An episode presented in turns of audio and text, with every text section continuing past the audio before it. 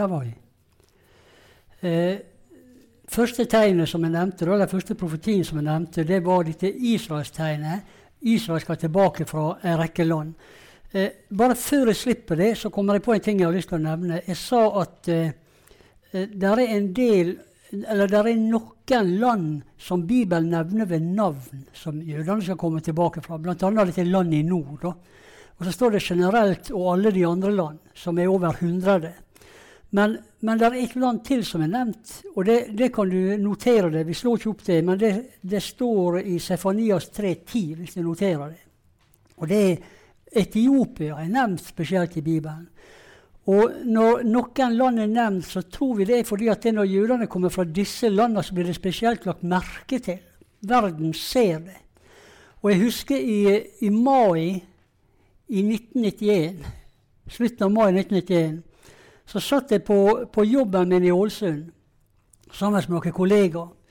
Og så hadde de spurt meg om et eller annet i profetiene. Jeg vet ikke hvorfor og hvordan. Men jeg, jeg, har alltid med meg Bibelen på jobb, så jeg husker jeg henta Bibelen. Så ble vi sittende og lese litt fra noen av disse oppfylte profetiene om Israel. Og de hørte på, det var helt greit. Men så var det en som ble litt provosert.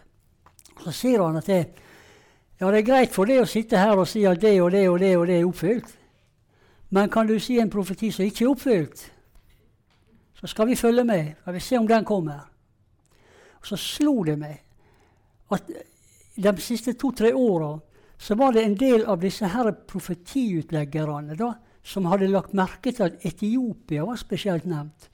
Og det var begynt å prekes litt i menighetene om at kanskje står tida for døra da jødene skal hentes ut av Etiopia. Så vi gikk og forventa det, men vi ante ikke når. Så når de sier dette her, kan, kan du si et, navn, et land som de ikke er henta ut fra, så slo det meg, og så sa jeg vi tror at jødene vil komme ut fra Etiopia. Så leste jeg fra Sefanias 3.10. Eh, og så husker jeg at jeg sa Hold øye med Etiopia. Kanskje vi får se jødene komme ut fra Etiopia i våre levetid, sa jeg. Det syns jeg var litt raus. Følg med i våre levetid, kanskje det skjer. Så gikk det ei uke. Og vi ligger litt for nært munnen med nå. Blir litt mye pust her. Gikk ei uke. Og Så satt vi på jobb igjen. Jeg husker jeg satt og leste i Sumpen. Og midt i Sumpen, over fem spalter med et svært bilde og en hel side, så står det med store bokstaver eh, 14 000 etiopiske jøder tatt ut fra Addis Abeba på 36 timer. Hemmelig aksjon hadde pågått. Planlegginga var pågått over lang tid. 34 L-Al-fly var brukt i en kontinuerlig luftbro de hadde skrudd ut alle seter og bare stua inn folk. Og i løpet av 36 timer så var altså 14 000 jøder henta ut under en hemmelig aksjon. Og dette visste vi kom. Vi hadde snakka om det i noen år. Og jeg kan huske Jeg, jeg, jeg, jeg begynte å skjelve. Jeg satt bare skjalv. Jeg var våt over hele kroppen. Og så, og så klarte jeg å si uh, Husker dere det vi snakka om her i forrige uke, gutter? om, om jødene som skulle komme ut fra Etiopia i vår levetid. Ja, det husker jeg. Så husker jeg at det klaska sumpen i bordet, hvis det går an å si det. Bang! Her er det oppfylt seg. Og der satt det ti gråhvite mannfolk og stirra i avisa og leste. Ingen sa et eneste ord. Ingen sa et eneste ord. Og, og etter dette her, eh, denne her aksjonen eh, i 91 kaltes for Operasjon Salomo. Den har gått over i historien som noe av det mest vellykka de har gjort. Og, og etter 91, når dette begynte, så har, har Israel henta ut nå er det en 80, skal ikke være helt sikker, men jeg lurer på om det er 80 000 til sammen. Og det kommer stadig små strømmer av jøder ut fra Etiopia. De trodde i perioder at det, nå er ikke det flere, så var det flere. Og så tenkte de nå er det slutt, og så var det enda flere. Så sånn holder de på enda. Det er ikke mer enn en måned siden de tok enda noen titalls. Så det er en pågående oppfyllelse. Så jeg har sagt dere før det skjer, for at dere skal tro når det skjer. Vi lever i den generasjonen som ser at dette går i oppfyllelse. Det, det, er veldig interessant. Men la vi da gå til tegn nummer to, eller profeti nummer to. Når jeg snakker om Israelstegnet, Israelsprofetien. De skal komme hjem fra alle land de er drevet til. navngitte land som Etiopia, land i nord. Alle skal tilbake. Gjelder ikke én blir, blir igjen. Det skjer som regel enten med fiskere eller jegere. Dette har vi sett nå da i, i, i over 70 år siden 1948, når staten ble oppretta på én dag. Og så har jeg lyst til å nevne en profeti nummer to. og Den, den er også egentlig knytta til Israel. Men denne profetien her er så, eng, er så spesiell. Og, og, det er nøkkelprofeti til å forstå omtrent når dette skal oppfylles. Fordi det, det, det, er ingenting i Bibelen som angir årstall. Men det er noen få vers som gir oss et veldig sterkt hint om når det allikevel skal komme til å skje. Så vi skal lese Isaiah 60 nå. Og hvis du noterer, så kan du notere fra vers 1 til 8. Men, men, men hele, hele, avsnittet her, flere vers utover, handler jo om disse tingene. Flere kapittel.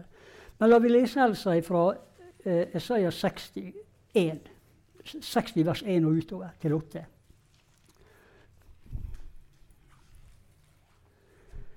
Stå opp og bli lys, sier Gud til Israel her. For eh, ditt lys kommer, og Herrens herlighet går oppover deg. Mørket dekker jorden, og mulm dekker folkeslagene. Det kan hende det er med hint mot trengselen som kommer når dette her vil skje. Eller i disse siste tidene. Men over deg, Israel, skal Herren gå opp, og over deg skal Hans herlighet åpenbare seg. Folkeslag skal søke til ditt lys, dette tusenårsriket. Konger skal komme til den glansen som er gått opp over det. Og så sier han til Israel, som vi leste i sted, løft øynene og se deg omkring. Nå samler de seg, alle sammen. De kommer til det. Sønner skal, på, sønner skal hentes fra de fjerne, døtre skal bæres på armen. Da skal du se det, Israel, og du skal stråle av glede og ditt hjerte skal banke og utvide seg. Det er jo Jerusalem som vokser og vokser og brer seg utover alle høyder og hauger rundt omkring. Fascinerende bare å se hvordan Israels hjerte har vokst på 40-50 år. Helt enormt. Hvor det, hvor det banker og pulserer av liv med, med, folk som kommer fra hele verden. Og så står det og havets rikdom skal vende seg til det. Og folkenes gods skal komme til det mylder av kameler og mange ting her som ikke vi ser og forstår riktig ennå.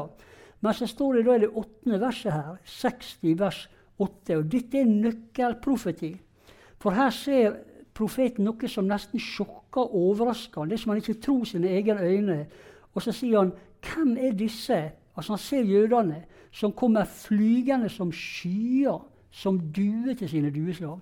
Dette er nøkkelprofeti som tidfester disse oppfyllelsene til den tida jødene kan komme gjennom lufta. Og De skal komme med fly, og de skal fly som duer til sine dueslag. Og det har ikke jødene kunnet gjort før nå. For det er nå først at vi har passasjertrafikk som gjør det mulig. Og nå kommer de i tusener på tusener hvert år og lander på Ben. Og de har gjort det da i disse åra som flyene har kunnet fly dem inn. Og Det er veldig interessant også at det brukes dette uttrykket 'som due til sine dueslag'. Det er en sånn veldig presis beskrivelse av det som mange jøder rundt omkring i verden opplever. Eh, jøder hilser hverandre ofte i verden med denne hilsen 'Next year in Jerusalem'. For det ligger i mange av dem at de skal tilbake dit. Og når, når duene flyr til dueslagene sine, så vet de ennå ikke helt hvorfor eller hvordan de klarer å orientere seg tilbake til akkurat sitt dueslag. Men de gjør det. Og selv om de legger dem i mørke kasser og frakter dem flere hundre kilometer unna, så flyr de tilbake til dueslaget sitt, for det er noe i dem som drar dem dit. Om det er magnetisme, om det har noe med jorda eh, De vet ikke hvorfor, men de gjør det, og de gjør det nesten automatisk. For de, de vet hvor de skal, og dit flyr de. Og dette bildet bruker Isaias om jødene. De skal tilbake til det landet jeg ga deres fedre Abraham, Isak og Jakob i arv. Akkurat som duer som dras til dueslagene, og de skal komme flygende gjennom lufta. Dette er en nøkkelprofeti som jeg tror tidfester dette til våre, våre generasjoner, til våre tid. Og så har jeg lyst til å nevne, da, og jeg nevner dette ofte når jeg snakker om Israel som skal komme gjennom lufta, for jeg syns det er så spesielt. På 700-tallet etter Kristus, så var det en rabbiner i Jemen. Det var ganske mange jøder i Jemen. Og han opplevde at Den hellige ånd kom over ham. Og så profeterer han på 700-tallet og sier, og dette er helt ordrett sitert eh, En dag skal jeg hente dere hjem til det land jeg ga deres fedre Abraham, Isak og Jakob i arv, på vingene av en sølvfugl. På 700-tallet. På vingene av en sølvfugl. Hva i all verden er det å fly på sølvfugler gjennom lufta? Det var jo ikke mulig å forstå. Men det de gjorde da, det var at de noterte denne legenden, skrev, denne her profetien, og de skrev den ned, og de, de siterte den for hver ny generasjon i Jemen. Det ble som en sånn hellig legende. Og de leste den for stadig nye generasjoner, helt frem til eh, 1949. Da tok de hjem eh, 4, unnskyld, 49 000 jøder fra Jemen på sølvglinsende eh, Dakota-fly, DC-3, med aluminiumsvinger og aluminiumskrog. Da henter han dem hjem på vingene til en sølvfugl. Og, og, den profetien, denne ordlyden til han eh, rabbineren her, det gir den profetien bare et tidsvindu på ca. 40-50 år. For før dette her eh, så hadde flya eh, canvas, var trukket med canvas og over trespilet. Og når, når først eh, aluminiumsflyene begynte å fly, så gikk det ikke mer enn 40-50 år før flyselskapene begynte å male flya i sine egne farger. Altså i flyselskapene sine farger. Vi ser jo i dag disse som flyr her, så er det, er det, er det dekt med farger alt i hop. Men i 40-50 år så fløy de med, med sølvvinger og med sølvfugler. Og midt i det tidsvinduet altså, så henter de ut eh, hva jeg sa, 49 000 fra Jemen. På vingene med sølvfuglen. Og jeg husker også han som fortalte meg dette. Det var en Lems Lumbert, for noen av dere som sikkert har hørt han, med perfekt Oxford-engelsk. Eh, han fortalte det at det disse, fly, disse folka som kom ut fra Jemen og gikk om bord i flyene, de var så primitive. De hadde ikke sett et fly, så de klatra opp på vingene Satt seg på vingene, for de skulle hjem på vingene til en sølvfugl. Så de måtte jo redde dem inn i flyene. vet du. Og, og ett av flyene så holdt de på å brenne opp, for der baki hadde de gjort opp bål og skulle steke seg, lage seg middag og. Det var ikke noe, pro, var ikke noe problem. Men det var det jo, vet du. Men, men altså, det var så primitivt. Men de kom akkurat sånn som denne rabbineren hadde sagt, og de kom på vingene til sølvfugler. Så, så eh, det er veldig spesielt når Isaiah sier de skal komme gjennom lufta. De skal drive inn som, som skyer, og de skal fly som duer til sine dueslag. Så denne profetien her i 68 den er en nøkkelprofeti. En nøkkelprofeti som veldig nøye tidfester jødene sin tilbakekomst til vår tid. Det var ikke mulig før. Med en gang det var mulig, så begynte de å komme. Dette var den andre profetien, og jeg skilte den litt ut fra den ene der om jødene, fordi denne her er så helt spesiell at det skal komme gjennom lufta med fly. Så det var nummer to. Så skal vi snakke litt om en tredje profeti som vi ser oppfylt i vår tid. Og Vi har allerede lest det her i Esaias eh, 60, vers 5 Jeg kan godt legge opp igjen den en gang til. Altså 60 vers 5. For her står det om en annen ting som skal skje når jødene kommer tilbake. Da skal du se det, Israel. Du skal stråle av glede.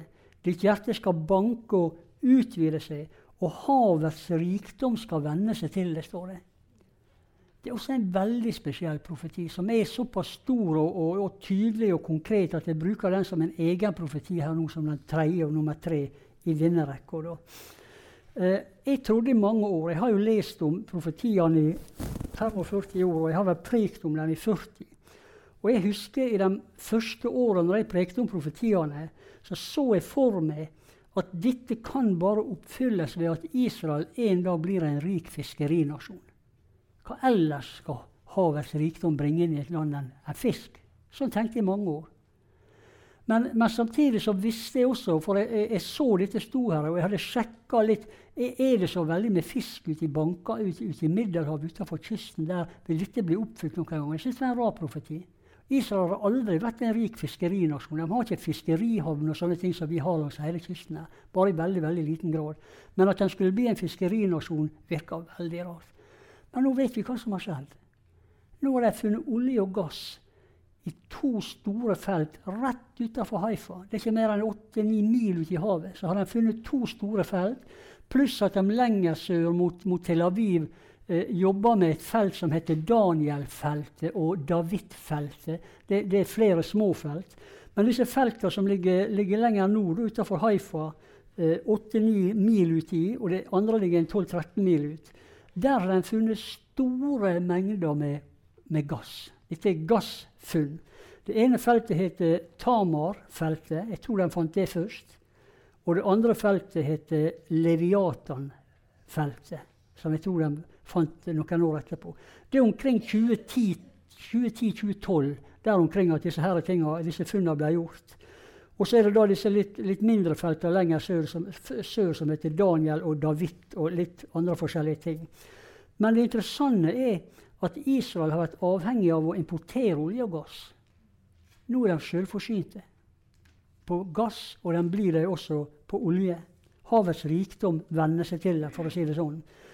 Og eh, det er så mye gass bare i det ene feltet, Leviatan-feltet, at hvis, uh, hvis, uh, hvis, vi skal bruke gass i, mange mange, mange tiår fremover, så vil Israel være selvforsynt i 100 år bare av det ene feltet.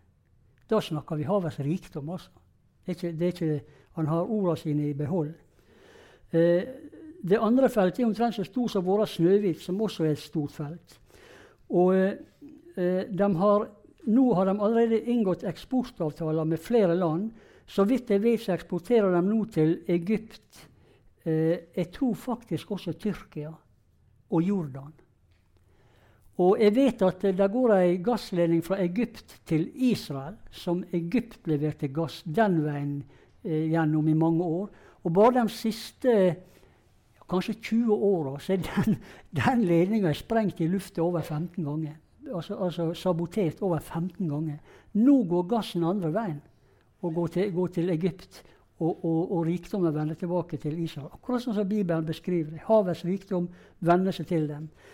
Men i tillegg til disse gassfeltene så har de nå i nyere tid funnet skiferolje. Og det er i grunnen rett under Israel, altså i fastlands-Israel. Ned i dypet der har de funnet store mengder skiferolje også.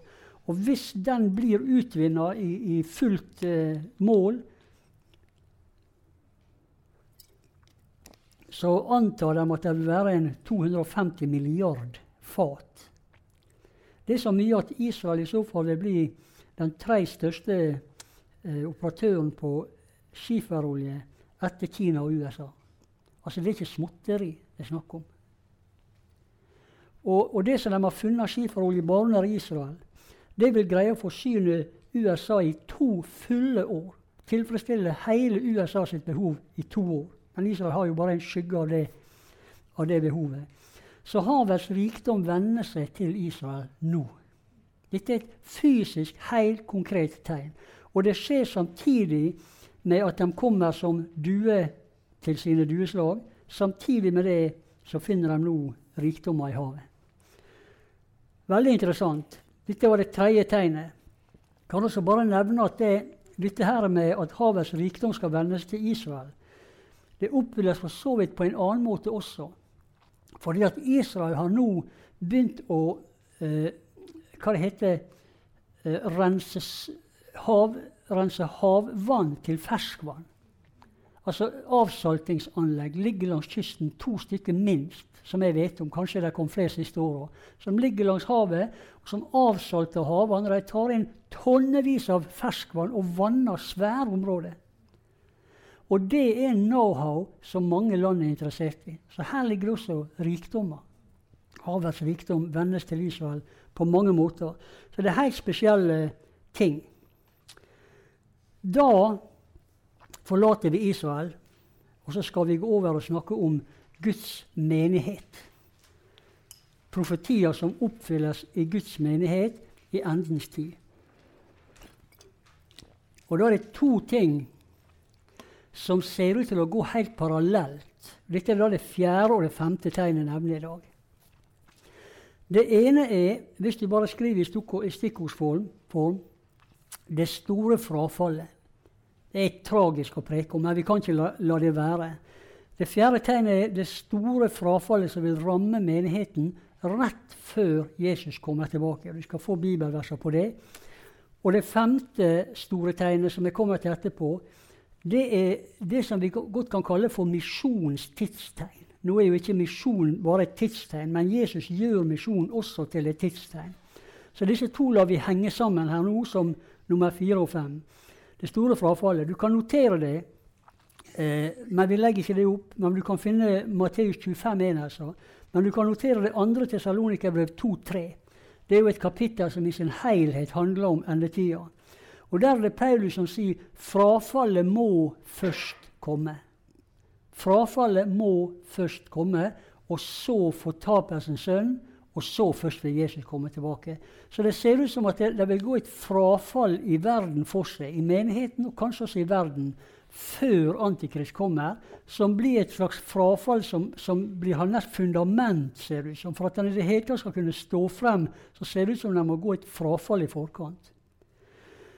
Og Nå du, skal vi lese Matteus 25, for her går Jesus inn i det frafallet med en lignelse. Det er akkurat det samme som, som uh, Paulus uh, sier i klartekst. Frafallet må først komme. Men Jesus har gitt oss en lignelse på dette frafallet. Og det tror jeg vi bare skal lese litt, litt av i Matteus 25, 1 og utover. Da, sier han, og da det er i endens tid, for han har brukt et helt kapittel på, på tida rett før Jesus kommer igjen. Og så sier han da i denne siste tida skal himlenes rike være å ligne med ti brudepiker som tok, tok eh, ti, ti jomfruer, står det her. Det står litt forskjellig i forskjellige bibler. Men de tok lampene og gikk ut for å møte brudgommen. Så dette er altså rett før brudgommen kommer for å hente brudepiken. Og brudepiken er et bilde på menigheten. Bruda er ikke i lignelsen, men i den grad hun ville vært det, så er hun også et bilde på menigheten. Men dette handler om brudgommen og brudepikene, som er et bilde på menigheten. Men så er det litt merkelige, da. Fem var kloke, og fem var dårlige. De dårlige tok lampene, men de tok ikke olje. Eh, men de kloke tok også oljekannene sammen med lampene. Men da brudgommen ga seg tid, slumra alle inn og sovna. Og Det er også et interessant trekk i denne lignelsen og i flere andre skriftsteder at det, det, ser ut som at det dryger før Jesus kommer igjen. Det ser ut som at det, hele menigheten skal vente og vente og vente. Han kommer jo liksom aldri. Jeg har sagt det her tidligere at når jeg var nyfrelst på 70-tallet, så var det ingen som drømte om at vi skulle stå her i 2021 og Jesus ikke var kommet. Det var ikke et menneske. Alle kristne tenkte han er rett rundt hjørnet. Nå er det gått 40 år, her er vi. Så det dryger. Han ga seg tid. Og alle slumra inn og sovna. Men midt på natta, da kommer brudgommen. Og da lyder dette ropet 'Brudgommen kommer, gå han i møte'. Alle jomfruene våkna og gjorde stand lampene, men den dårlige sa til den kloke 'Vi må ha av deres olje, for våre slukna'. Men den kloke svarte nei, vi har ikke nok til både oss og dere. Dere må gå til kjøpmenn og kjøpe. Eh, og mens de gikk bort for å kjøpe, kom brudgommen, og dem som var rede, gikk inn til bryllupet, og døra ble lukket. Til slutt så kom de andre jomfruene og sa, 'Herre, Herre, lukk opp.' Han svarte og sa, 'Sannelig sier dere, jeg kjenner dere ikke.' Våg derfor, for dere kjenner verken dagen eller timen. Altså, Dette er en lignelse der Jesus forteller oss, akkurat som Paulus, at like før brudgommen kommer Og her er ikke det menneskesønnen som kommer tilbake til Oljeberget, eller kongen som kommer tilbake. Men her er det brudgommen som henter bruda, for at bruda skal være der han er. Og han har nå vært i sin fars hus og, og, og gjort klar mange rom. Og så kommer han og henter bruda, og så tar han med seg bruda tilbake. Dette er bortrykkelsen av menigheten, som vil skje før menneskesønnen kommer til Oljeberget. Men det skremmende her det er at fem av ti brudepiker har blitt borte rett før brudgommen kommer. Hvordan er det mulig? Frafallet må først komme. Det er ganske alvorlig. jeg, jeg, har, jeg har prekt om profetiene i kanskje 40 år. Og, og i, i de første 30 åra så prekte jeg veldig oppmuntrende om tidens tegn. Jeg har aldri vært sånn som slår menigheten med tidens tegn og, og skremt og trua og sånne ting. Men jeg har prekt oppmuntrende om det. Og når jeg kom til Notodden første gangen som pastor og prekte om disse tinga, så kom der eldre folk til meg gråtende når møtet var over, og sa vi har aldri hørt noen preke så oppmuntrende om tidens tegn som du. Vi har blitt så ikke, ikke for å si et eneste ord om Notodden, men det var nok med tida, kanskje. Men vi har blitt så skremt og vi har vært så redd. Men dette var så oppmuntrende, sier han. Så, så jeg, har, jeg har prekt alltid oppmuntrende. De ti siste åra har det lagt på meg å også preke det kommer et alvorlig frafall i kristenheten. Jesus er helt tydelig. Og vi må ta oss så i vare at ikke vi blir spist opp av tidsånder, og at vi er våken for forkynnelser som kommer inn i forsamlingene, men som ikke stemmer med Guds ord. Frafallet vil komme. Og hvordan skal det komme? Jo, Jesus sier det i Matteus 24. Dette er jo endetids, endetidskapitlet. 24.11, f.eks. 24.11.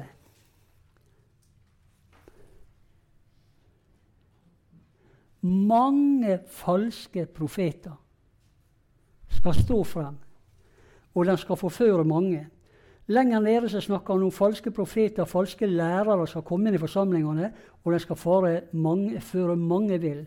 Og i, i forlengelsen av dette ellevte kapittelet her, eh, så står det også i tolv fordi, fordi urettferdigheten tar overhånd, skal kjærligheten bli kald, men den som holder ut til enden, skal bli frelst. Altså, dette er rett før enden. Mange falske lærere skal komme. Og så skal evangeliet forkynnes som et vitnesbyrd for alle folk, og så skal enden komme. Så dette er helt tydelig en del av det frafallet som Paulus ser, og en del av dette som vil skape den forførelsen i denne halvparten av kristenheten som vil bli borte. Hvis vi skal forstå disse ti da som er nøyaktig todeling, fem og fem. Men, men det tror jeg vi skal tro Jesus på, at det blir så alvorlig. Men årsaken vil være falske, lærer, falske profeter og falske lærere. Og Du kan også godt Elsa, legge opp 2. Peter 2, og dere kan notere 2. Peter 2, 1-3. 2. Peter 2, 1-3. Eh, og jeg leser sånn. Men det oppsto mange falske profeter i folket i Det gamle testamentet. Slik skal det også blant dere komme falske lærere, altså i forsamlinger. De skal lure inn vrange lærdommer som fører til fortapelse. Merk til det. I menighetene skal det være forkynnelse som fører i fortapelse. Uh, uh, Idet de til og med fornekter den Herre som kjøpte dem, og den fører over seg sjøl en brå fortapelse. Da skjønner vi at dette handler også om endetida. En brå fortapelse. Og den skal nekte den Herre som kjøpte dem. Mange skal følge etter dem i, i deres skamløshet, og for deres skyld så skal sannhetens vei bli spotta. Det er et veldig interessant uttrykk. For deres skyld så skal sannhetens vei bli spotta. Jeg vil ikke bruke lang tid på dette frafallet, men vi må gå litt inn i det. Jeg tror at dette frafallet vil, vil ha to sider. Det vil være et moralsk frafall, men det vil også helt tydelig være et teologisk frafall. Det vil være et frafall fra læra og inn i vranglære, som vil fornekte Herren. Men det vil også være et moralsk frafall. Jeg tror også, uten å gå for mye inn i detaljer, at dette frafallet kan være kommet langt inn i mange menigheter allerede. Moralsk frafall. Ingen snakker lenger eller veileder noen rundt skilsmisse og gjengifte lenger. Det er ute. Samboerskap har full aksept i en rekke menigheter. Det, det advares, det snakkes ikke mot. Eh, pornobruk er kommet langt inn i menighetene. Jeg har, vært, jeg har vært pastor i mange år. Jeg har snakka med så mange mennesker. Og der er så mange innenfor kristne menigheter som også opplever utroskap som en frukt av en overdreven pornobruk. Porno overstimulerer sexdriftene, særlig til mannfolk. Det hører, hører ikke hjemme i, i gudsforsamlinger. Det fører umoral, avler umoral. Mange ting kunne vært nevnt.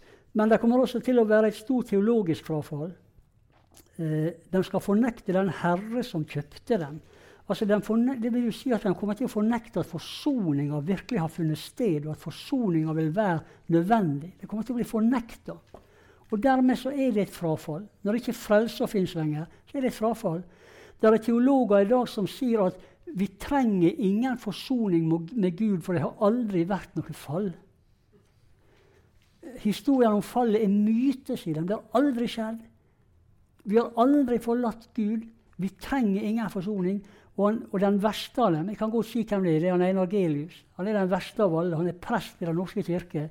Og han skriver rett ut i avisene ikke Senest i VG for noen år siden så hadde han en påskepreken der han fornekta hele påskebudskapet med vidåpne øyne. Fornekta den Herre som kjøpte den. Og han skriver rett ut Jesu blod har aldri rensa et menneske for det eneste synd, skriver han. Det er en stor misforståelse. Skrives åpent. Og det verste ikke én biskop refser han. Ikke én biskop refser han. Hvor er den hen? Dette skjer i vår kirker. Jeg var en del av dette sjøl. Og mange av dere har vært det samme også. Så det er et frafall. Og jeg er helt sikker på Dette er ikke profetisk, men så bare prøv det over tid. Jeg er helt sikker på at det neste som kommer inn nå, det, og det kommer inn i vår bevegelse også, det er en full fornektelse av den evige fortapelsen. Bare vent og se. Banker på dørene våre. Full fornekting av den evige fortapelse. Og hva skal vi da med evangeliet? Da er frafallet komplett. Eh, det er, er, særlig to retninger på dette som, som, kommer til å vokse, tror jeg. Og Det ene er dette som kalles gjerne for utslettelsesteologien. Som sier at, at alt går bare i svart, vi opphører å eksistere. Der er ikke noe, de sier gjerne sånn 'Den Gud jeg tror på, han er kjærlighet'. Han kan ikke sende et menneske i evig fortapelse. Det er ikke min Gud. Så det, det går i svart. Og så er det den andre retninga som, som, også kommer mer og mer, som kalles for universalismen. Og de hevder med tyngde og med gode bibelvers alle blir frelst til slutt. Alle blir frelst til slutt. Det er forførelse. De nekter den Herre som kjøpte dem. Du må kjøpes fri, du må frelses, du må fødes på nytt. Og Dette tror jeg er en del av frafallet, men jeg tror også dette er bare begynnelsen. Jeg tror det kommer til å bli mye verre, og vi kommer antagelig i dag ikke til, til å kunne forutse hva som kommer av frafall. Men at dette er begynnelsen på det, det er jeg ikke i tvil om. Men hurtig, da Er det halv sju vi skal gi oss? Har vi noen klokke på det? Cirka halv sju? Cirka halv sju. Vi sier halv elleve. Vi kjører til halv elleve. Nei da.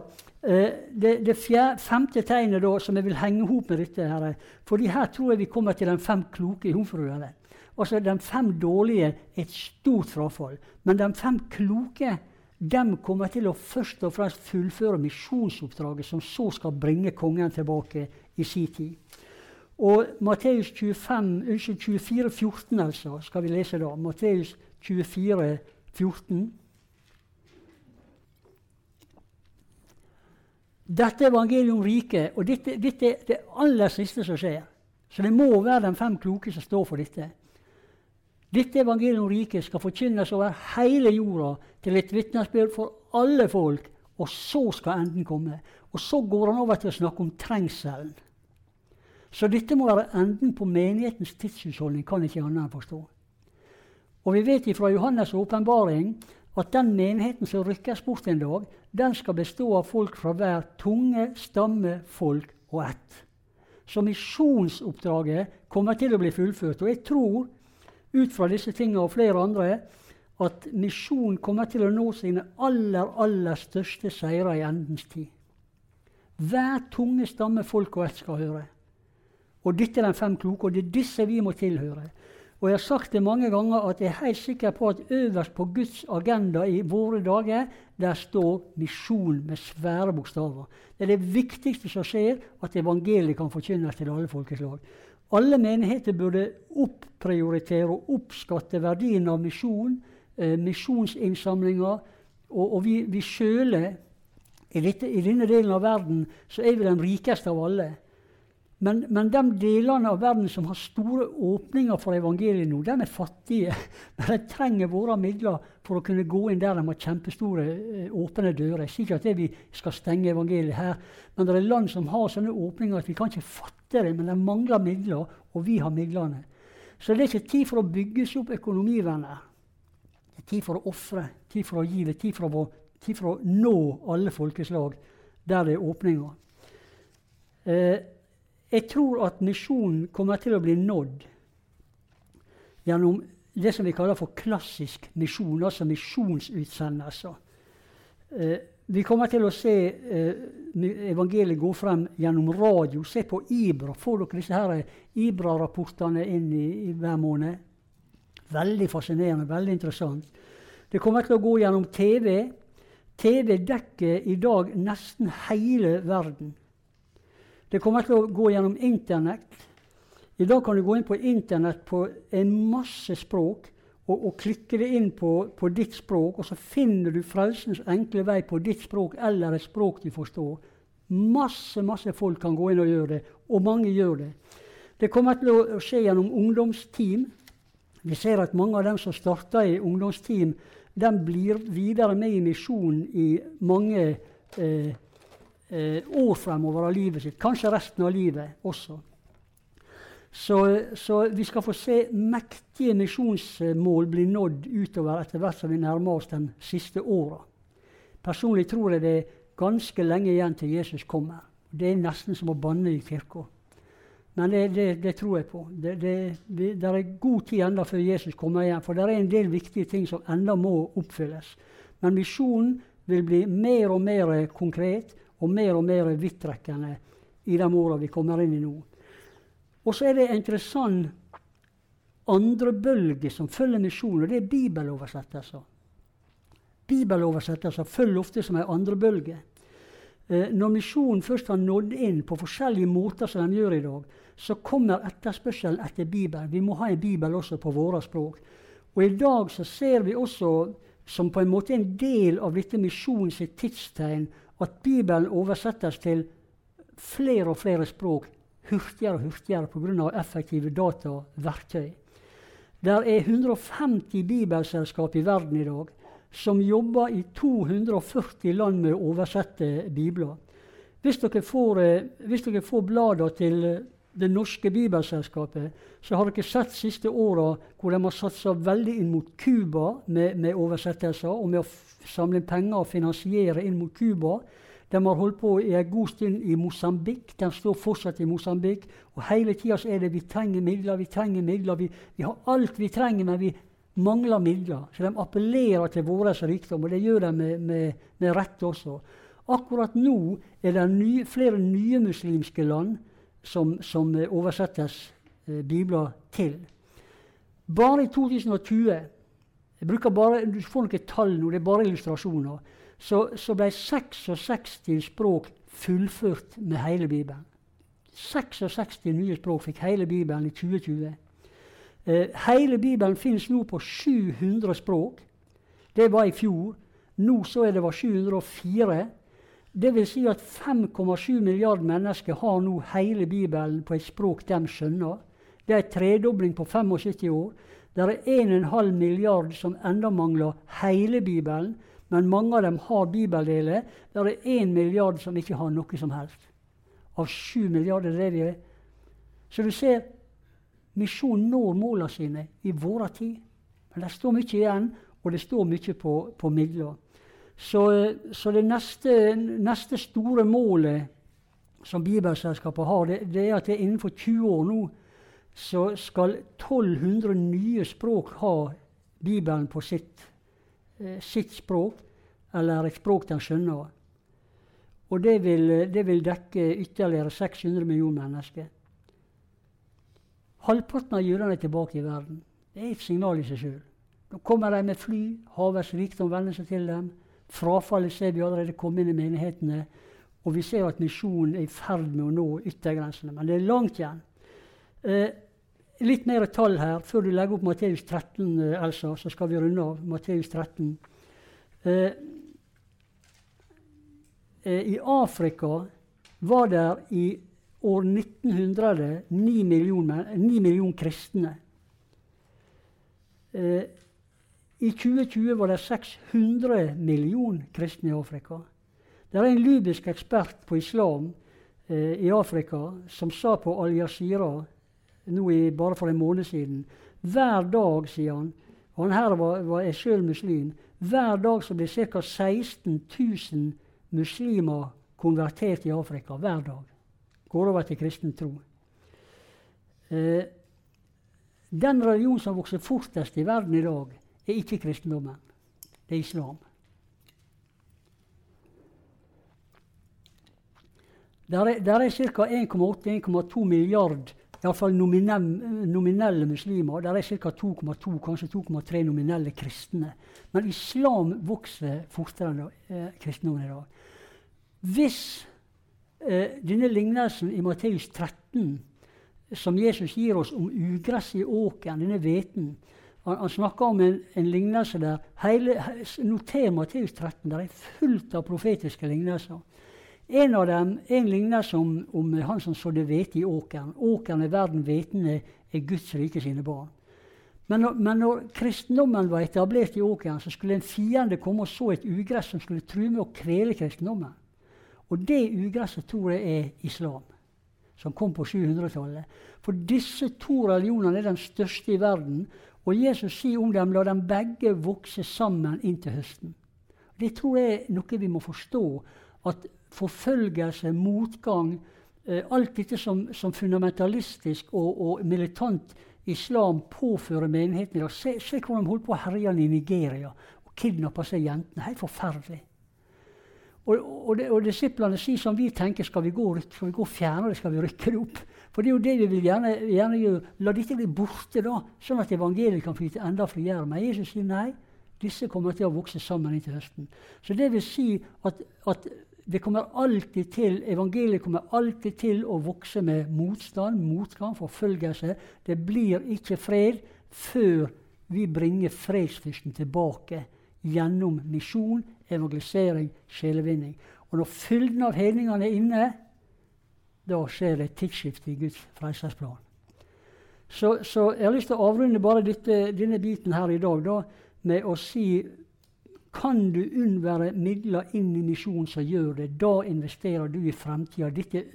Da investerer du i sjel i himmelen. Dette er øverst på Guds agenda i dag. Det er jeg helt sikker på. Dette evangeliet skal forkynnes for alle folkeslag, og så kommer enden. Og Det skal vi gå videre på i dag i morgen. Da skal vi se på dem Ja, vi forsyner med fem siste tegner, men det rekker ikke vi. Men vi skal gå videre på dette i morgen, iallfall, for nå er det grenser for hvor mye vi klarer å ta inn av informasjon. Skal vi be litt? Herre, vi takker deg for ditt levende ord.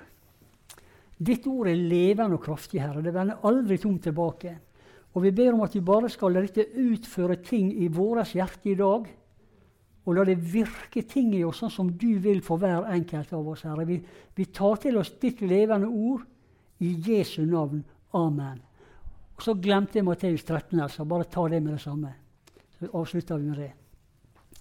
Eh, ja, det var vers eh, 31, 32 og 33. Matteus 13. Se på dette her. Dette er en av Jesus sine profetiske lignelser. Han fremsatte en annen lignelse og sa Himmelens rike er som et sennepsfrø som en mann tok og sådde i åkeren. sin. dette er Guds rike som plantes i åkeren når Jesus var her. Det er mindre enn alle andre frø, men når det vokser opp, blir det større enn alle andre hagevekstene, står det i min oversettelse. Og den blir til et tre som er så stor at fuglene under himmelen kommer og bygger reir i greinene. Dette her eh, kan man litt med den. Denne lignelsen om sennepstreet her er et bilde om den veksten Guds rike skal få i endens tid. Det skal bli så stort at, Guds, at, at fugler bygger reir i, i greinene over hele verden. Og så kommer det neste, da. Ja, der er han. Andre lignelsen han fortalte dem. Himmels eh, rike er som ei surdeig som ei kvinne skjulte i tre skjepper mel inntil alt ble gjennomsyra. Det er det som skal skje når hver tunge stamme folk og ett har fått lov å høre. Alt skal gjennomsyres av evangeliet til slutt. Og dette handler om misjon. Alt folket sa amen. Nå gir vi oss.